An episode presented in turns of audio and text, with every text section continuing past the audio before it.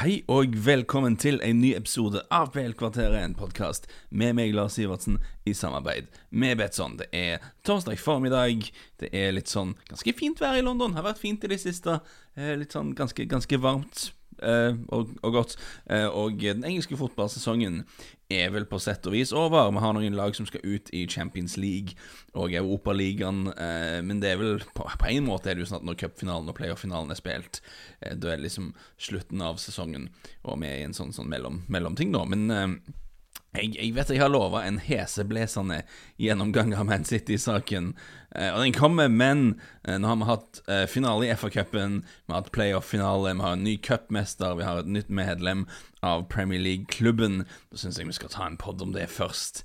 Egentlig de to finalene, eh, og hva det hele betyr. Eh, jeg begynner med playoff-finalen. Den sitter ganske friskt i minnet nå. Eh, jeg var på pub, faktisk, for første gang siden lockdown, blir det vel. Um, det var ikke helt det samme som vanlig. Det var jo sånn antibac overalt, og du må skrive ned telefonnummeret ditt på ei liste, og alt sånt, men det var, det var hyggelig å være ute av huset. Uh, kampen var ikke kjempespennende. Uh, Playoff-finaler har en tendens til å være litt tette, uh, forsiktige affærer. Veldig mye som står på spill, selvfølgelig. Jeg syns Fulham var bedre enn forventa, egentlig. Uh, både i finalen og mot Cardiff. Uh, så litt i returoppgjøret på Craven Cottage mot Cardiff, da at Fulham sleit litt med, med, det fysiske spillet som Cardiff kjørte i gang med mot slutten der. Men, men de kom seg i mål, og uh, syns de hadde overraskende god kontroll på Brentford i finalen. Jeg vil si overraskende, siden Brentford har Um, ofte vært en del bedre denne sesongen enn det de fikk vist i finalen. Bare mot Swansea i forrige uke så så de ut som et veldig annet lag enn det vi så i playoff-finalen. Men det har jo òg litt med motstanderne å gjøre. Fulham var veldig flinke til å holde ballen i laget, til å dra ned tempo. Eh, du husker kanskje statistikken på at Fulham har hatt eh, De har hatt flest fullførte kortpasninger i championship. Eh, men bare tiende flest avslutninger fra innenfor boksen. Eh, så det er mye sidelengs, eh, dra ned tempo og sånne ting. Og det så vi i denne kampen. Han kan jo litt, eh, kan litt ufint å si at Fulham er et lag i, i Scott Parkers ånd. Det var mye, det mye side, sidelengs kortpasninger for Parker da han var aktiv sjøl. Det er jo litt ufint, da. Eh, Fulham har, eh, har klart jobben til sist. De har rykt opp. De har nok på papiret vil jeg nå argumentere for en av de tre sterkeste spillerstallene i championship, så opprykk er nå på en måte riktig utfall. Men championship er en veldig tøff divisjon, som vi alle vet. Eh, du skal spille utrolig mange kamper. Eh, så jeg registrerer at det er en del skepsis til Scott Parker. Eh, jeg er vel ikke helt solgt på han sjøl, men han fikk jobben gjort til slutt. Eh, det er tøft å rykke opp fra championship uansett hva slags spiller du har. Han fortjener kudos for det. Eh, og om laget spiller litt sånn håndbrekkfotball med mye støttepasninger og sånn, det er ikke noe lov mot det, sånn sett. Men jeg ble faktisk litt overraska da når jeg sjekka statistikken etter kampen. For der sto det jo at ballbesittelsen mellom Brentford og Fulham var ganske jevn. Og det føltes Jeg syns ikke det føltes sånn ut, egentlig, da jeg så kampen, men det er jo kanskje et eksempel på hvor statistikker kan være nyttige. For Jeg har sett en del Fulham-kamper denne sesongen, og i omtrent alle kampene så har de hatt mye ballbesittelse, enormt mange støttepasninger.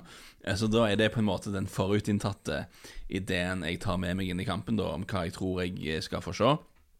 Og Inntrykket jeg satt igjen med etterpå, var at Fulham hadde gjort mye, av det normale. Men det var faktisk ikke riktig, da. Egentlig viste det seg Brentford hadde en ball, de òg. Eh, possession var ganske jevnt. Men Men Eh, men Fulham var godt organisert uten ball. Da, for Brentford kom liksom ikke Kom liksom ikke gjennom eh, Sammenlignet med kampen mot Swansea, da så så du at Brentford ikke fant rom til å spille offensivt sånn som de vil. Saeed Benrama, eh, som igjen en av de beste spillerne i championship den sesongen, kanskje den beste spilleren i championship, eh, var liksom ikke så veldig involvert. Eh, fikk, fikk ikke fikk gjort så mye som pleier. Begynte å trekke ganske dypt for å bli mer involvert og få mer ballkontakt og sånn. Ikke alltid et godt tegn. Eh, spissen Ollie Watkins ble veldig isolert, fikk veldig lite å jobbe med. Men når alt det er sagt, så kom jo det forløsende Fulham-målet på eh, skal vi kalle det litt heldig. Eh, litt heldig. Eh, Joe Bryan, som tidligere denne sesongen kun hadde skåret ett mål. Han så at Brentford-keeper David Raja ikke var helt med, eller iallfall han var veldig klar for et innlegg der han er Uh, og, det, og, det, kom faktisk fram etter kampen at det var noe Scott Parker hadde gitt uh, Brian beskjed om da på sidelinja. Parker hadde sagt til Joe Brian at uh, keeper posisjonerer seg veldig langt ute, da, så bare ta og prøv å feie inn ballen på første stolpe. Um, en fin liten detalj som Brian sa etter kampen, var at han, når han spilte fotball med faren da han var barn, så pleide faren alltid å lure han med øynene når lille Joe Brian sto i mål. Eh, så akkurat at du ser et sted og setter ballen et annet sted. Så om du ser mål igjen, så later Brian da veldig på at han skal, som han skal slå innlegg. Han vinker med armen og ser på spillerne i felt og sånne ting, og før han da setter han i nærmeste.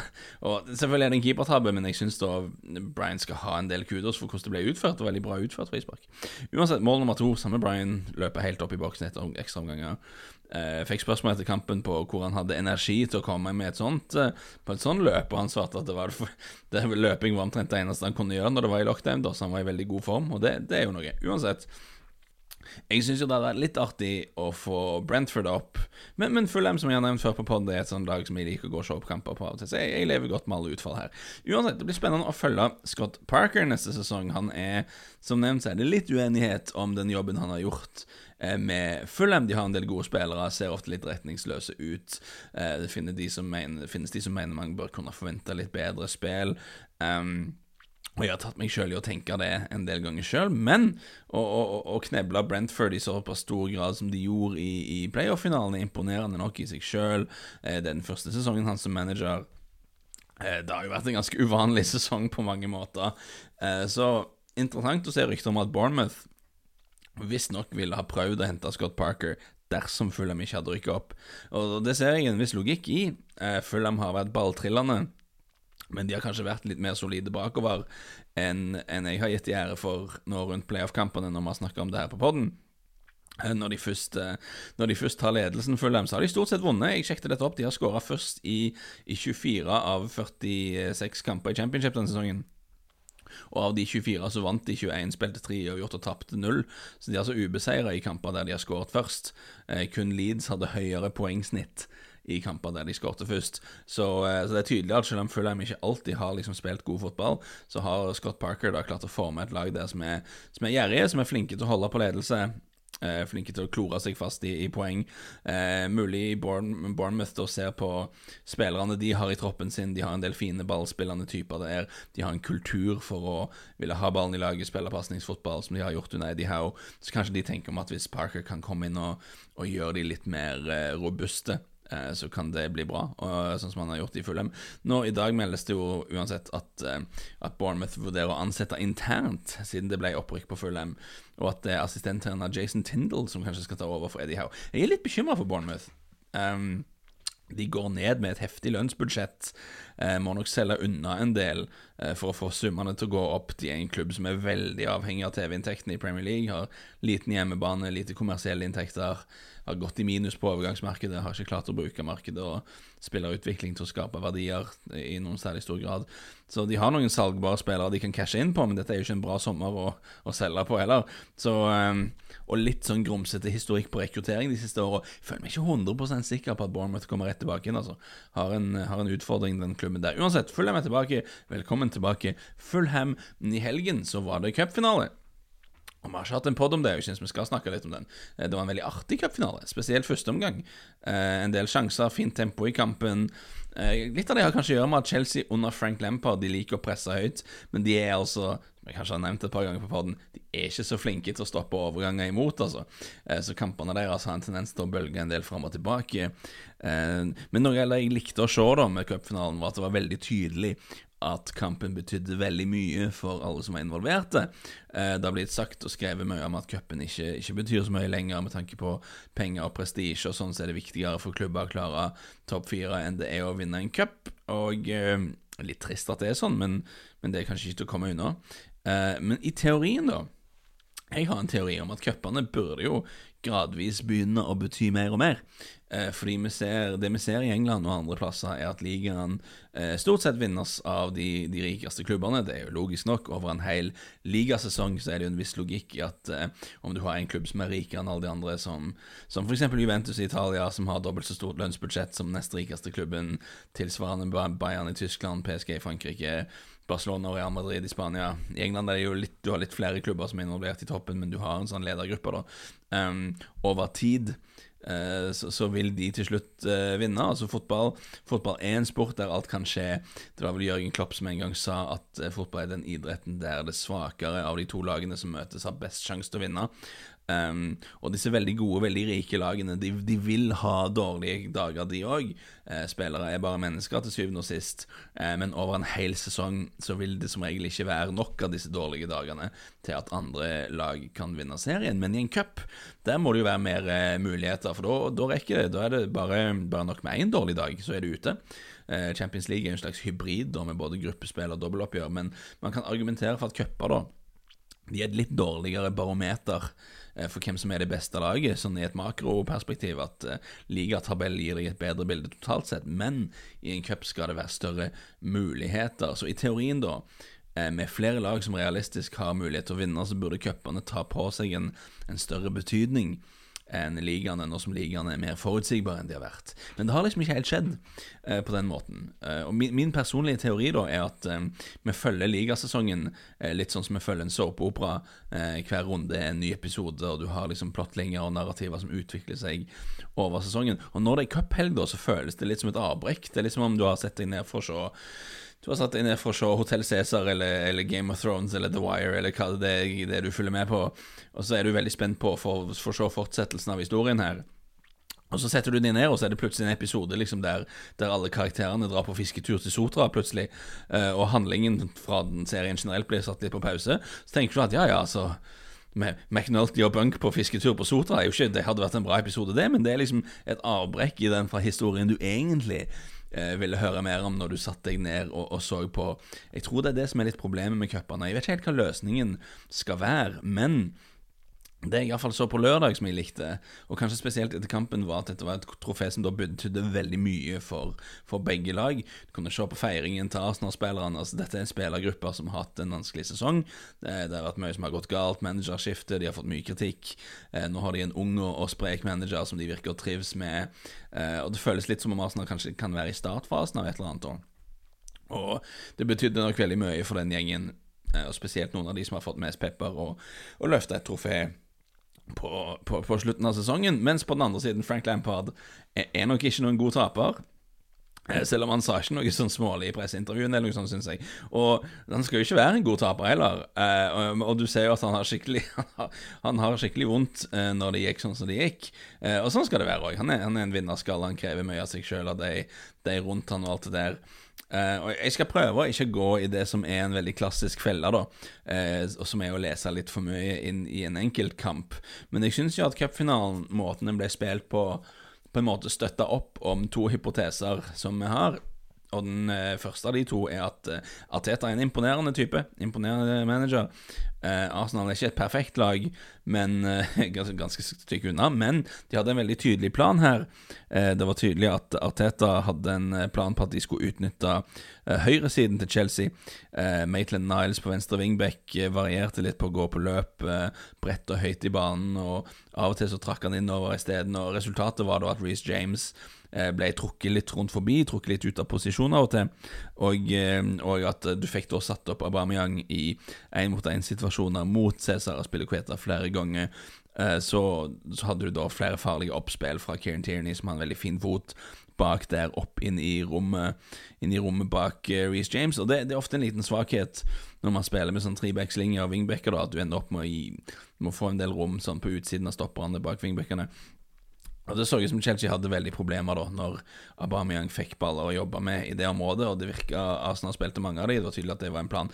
Jeg syns òg defensivt, med tanke på hvor dårlig Arsenal hang sammen i høst, da, eh, og med tanke på hvor planløse de ofte så ut, så, så syns jeg det ser ut som om Arteta har gjort en jobb på, på treningsanlegget. Og igjen, vi skal alltid være litt forsiktige med å stole altfor mye på sånne insiderartikler om eh, en ny trener når alle er positive og optimistiske, snakker om hvor flink han er. Eh, men det som har blitt skrevet om Arteta, da, blant annet, er at han gir veldig tydelige beskjeder, og at spillerne føler at eh, de i mye større grad vet hva oppgavene deres er. Og der syns jeg jo det som blir rapportert, stemmer veldig godt overens med hva vi ser når Arsenal spiller. Så det må jo være positivt positivt. Og eh, så med Chelsea, da, hypotese nummer to, som jeg syns denne kampen backa litt opp, er at um, Altså, det er fortsatt mye å like med Prosjekt Lampard. De klarte, klarte topp fire, har gitt mange unge spillere spilletid og sånne ting. Eh, totalt sett er jo det et bra utfall i hans eh, første sesong som manager på dette nivået, så, så misforstår meg riktig nå, men det er et par ankepunkter likevel. Jeg, jeg reagerer f.eks. på hvor eh, nesegruspositive man er til Lampard i pressen her borte i England.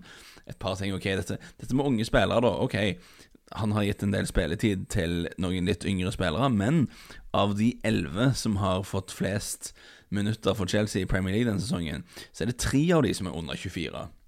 Så, så det er 11 av Beklager, 3 av 11 av de som har spilt mest, er under 24 år gamle. Så han har gitt spilletid til yngre spillere, men det er ikke noe sånn et lag som, er, som, som, som, eh, som blir båret av gårde av sånne omflakkende gategutter. Liksom. Du har veldig mange rutinerte landslagsspillere som har vunnet en haug med pokaler, eh, og som har blitt henta for veldig mye penger der. Det er en sterk stall.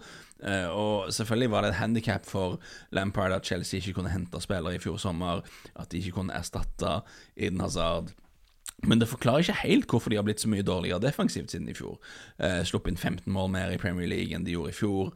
Eh, det er flest baklengs for Chelsea siden i, i, serien siden 1997, var det det? 96, et eller annet sånt. Og i fjor var det kun tre lag i Premier League som slapp inn færre mål på overganger imot, mens denne sesongen har de plutselig sluppet inn flest mål av alle på kontringer imot. Og det er jo dels fordi de er mye mindre ballsikre under Lampard, for han, han vil ha litt mer sånn tut og kjøre-fotball enn Sarri, som var veldig opptatt, kanskje for opptatt, av, av å holde ballen i laget. Eh, men det handler òg litt om hvordan du strukturerer laget. da. Du har en, Man snakker en del om hvordan Liverpool slipper unna med å ha veldig offensive sidebacker, fordi de på midten er veldig flinke til å ta posisjoner der de stopper overganger imot. da. Eh, og hvis du ser eh, spesielt på mål nummer to som Arsenal skårer Når Beirin går på det løpet der, så er det jo ingen der. Altså, det er jo helt sånn autostrada. Han løper bare gjennom midtbanen som om han ikke var der. Og man kan snakke om at spillere Du kan være individuelle spillere som har skrudd av, men eh, som, som, bekjent av podkasten og, og, Frank Lampard, skeptiker Jonathan Wilson, har påpekt, og denne uken så er det litt et eiendommelig sammentreff da, at Frank Lampards Chelsea eh, virker å ha akkurat den samme svakheten på overganger imot som Frank Lampards Derby hadde. Eh, og, og det er litt tidlig å dømme. Han har kun vært manager i to sesonger, men for mine øyne så ser det litt ut som dette laget ikke henger så godt sammen uten ball som det helst skal gjøre. Når det er sagt, eh, hvis Chelsea henter Kai Havertz i tillegg til at de henter Timo Werner og henter, henter, henter Hakim Ziyech da kan det jo være ender opp med å bli så gode offensivt at det nesten ikke har noe å si hva, hva, hva de gjør bakover. Det er òg en mulighet her. Um, jeg tror iallfall ikke det blir kjedelig å være Chelsea-fan eh, eller å se Chelsea-kamper neste sesong. Det tror jeg kan bli ganske artig. Jeg er veldig spent på om Lampard kan få skikk på det defensive. Jeg, velger å holde et litt mer åpent sinn da enn en, en andre eh, kritikere foreløpig. Og lagene hans har òg hatt et har, dette Chelsea-laget hans fall har hatt et problem som bør nevnes når vi snakker om det defensive, det er jo keeperen. Eh, Keeper har hatt en helt sjokkerende lav redningsprosent. Nå, Denne redningsprosent det er litt sånn guffen tall. Eh, det sier kanskje ikke så mye om hva slags skudd man får imot seg, eh, som for en keeper har ganske mye å si. Men keeper har altså redda 54,5% av skuddene han har fått på seg, så nesten annethvert skudd på mål mot Chelsea har gått inn. Eh, det, det, kan være litt tilfeldigheter, Eh, men det er sannsynligvis ikke veldig bra, altså, når det er så lavt. Jeg har ikke helt fått bekrefta dette, men jeg så et sted at det var noen som hadde sett på tallet og kom fram til at det var den laveste redningsprosenten en keeper hadde hatt i en sesong i Premier League helt siden starten av Premier League, altså noensinne. Eller siden starten av 90-tallet, iallfall. Og eh, at keeper Han er iallfall det jeg har sett tydelig, at han er iallfall den som har eh, Eh, lavest redningsprosent av keeperne i de fem store ligaene i Europa som har spilt mer enn 1500 minutter denne sesongen. Så alle førstekeeperne så, så er det han som har eh, sluppet redda færrest skudd. Og eh, lavest andel av skuddene, iallfall. Og ifølge Oppda sine modeller eh, så burde en normal Premier League-keeper ha redda 11 av målene han slapp inn denne sesongen. Det er klart svakest tall i divisjonen. Men bare sånn rent bortsett fra alle disse tallene så er jo inntrykket fra øyetesten da at Kepa har fått Ok, han har fått en del vanskelige avslutninger mot seg, men det har jo vært ganske mange situasjoner der han har gjort ting som kanskje ikke har vært en tabbe, men når du ser reprisen, da, så du, tenker du på ganger at skal han kunne godt ha redda den. Eh, det har vært en del av dem med Kepa, eh, og jeg, jeg, vil jo ikke si at det er helt urimelig å hevde at han kanskje var den dårligste keeperen i Premier League eh, denne sesongen. Iallfall en av de dårligste. Og det er jo ikke bra.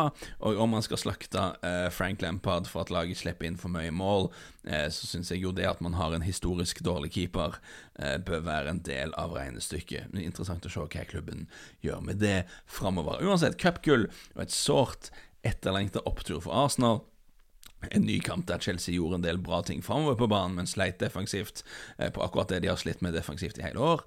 Eh, og en del, en del av regnestykket at de fikk et feilaktig rødt kort imot seg. Eh, det andre gule til Kovacic var jo helt feil. Og igjen, jeg syns det det er litt sånn strengt å være altfor kritisk til Lampard, men litt sånn Press er feil ord, da, men veldig interessant veldig, veldig, interessant å se om han klarer å, forbedre laget på akkurat den defensive svakheten han har eh, der neste sesong. Angående Arsenal, siden vi tar opp dette nå på torsdag, så syns jeg jo vi må nevne at det, det, stormer litt bare rundt klubben akkurat i dag. Eh, de har akkurat annonsert at de har intensjoner om å si opp eh, 55 ansatte. Uh, og, og, og, på en måte så er det litt uh, forståelig. Det blir jo en litt annen drift framover pga. korona. Men problemet her er jo at bl.a. blant annet at spillerne til Arsenal ble fortalt eh, tidligere i vår at dersom de gikk med på å ta lønnskutt, som de endte opp med å ta, eh, så ville det ikke bli nødvendig med oppsigelser av ansatte. Eh, så det ser jo ut som om klubbene da i, i beste fall har, har, har villeda spillerne, har, har, har, fart med løgn og, og brutt en, en, en avtale der. Eh, og det er òg litt urovekkende å se at en del av de ansatte som visstnok ryker da i Arsenal, er speidere. Og vi diskuterte i episode 80 av, av podkasten, eh, var det vel, at eh, hvordan Arsenal De skal visstnok ha lyst til å være som Dortmund, men på den andre siden så har de, har de begynt å basere seg mer og mer på agenter og kontakter når de skal hente spillere, og da helt spesifikt én agent, en viss Kia Jorabshan, som representerer William, som representerer Coutinho. Eh, litt uenighet på ryktebørsen om hva som egentlig skjer med Coutinho, men eh, William til skal være så godt som bekrefta nå.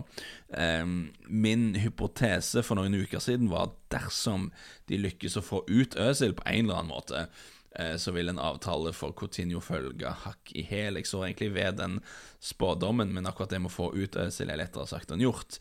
Barcelona er ganske desperat etter å få Coutinho av lønningslista, så et lån eller en, til og med en permanent overgang med veldig lav overgangssum skal være mulig å få på plass dersom du finner rom i budsjettet ditt til lønningene hans. Uansett, det er jo jeg syns jo det er en litt dårlig look. Jeg skjønner jo at det er to forskjellige ting, men jeg syns det er en litt dårlig look at man driver og kaster millioner på millioner etter spillere, samtidig som man vurderer å si opp såpass mange ansatte.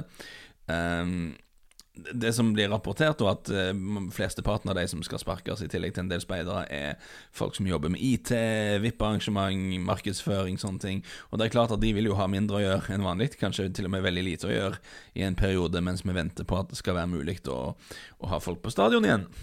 Men jeg syns det stinker litt. Um, Arsenal skriver på sine nettsider da at uh, disse kuttene er nødvendige for å redusere kostnader og for å sørge for at klubben opererer på en ansvarlig og bærekraftig måte. Og ok, 55 eh, ansatte. La oss si at eh, vanlige ansatte kanskje de har 35 000-40 000 pund i året. Kanskje litt mer, kanskje noen av de tjener litt mer. Du sparer inn litt sånn reisebudsjett på speider og sånne ting. Men, men, men enkel matte, da, så er det neppe mer enn sånn 2,5 millioner i året eh, kanskje iallfall ikke mer enn tre.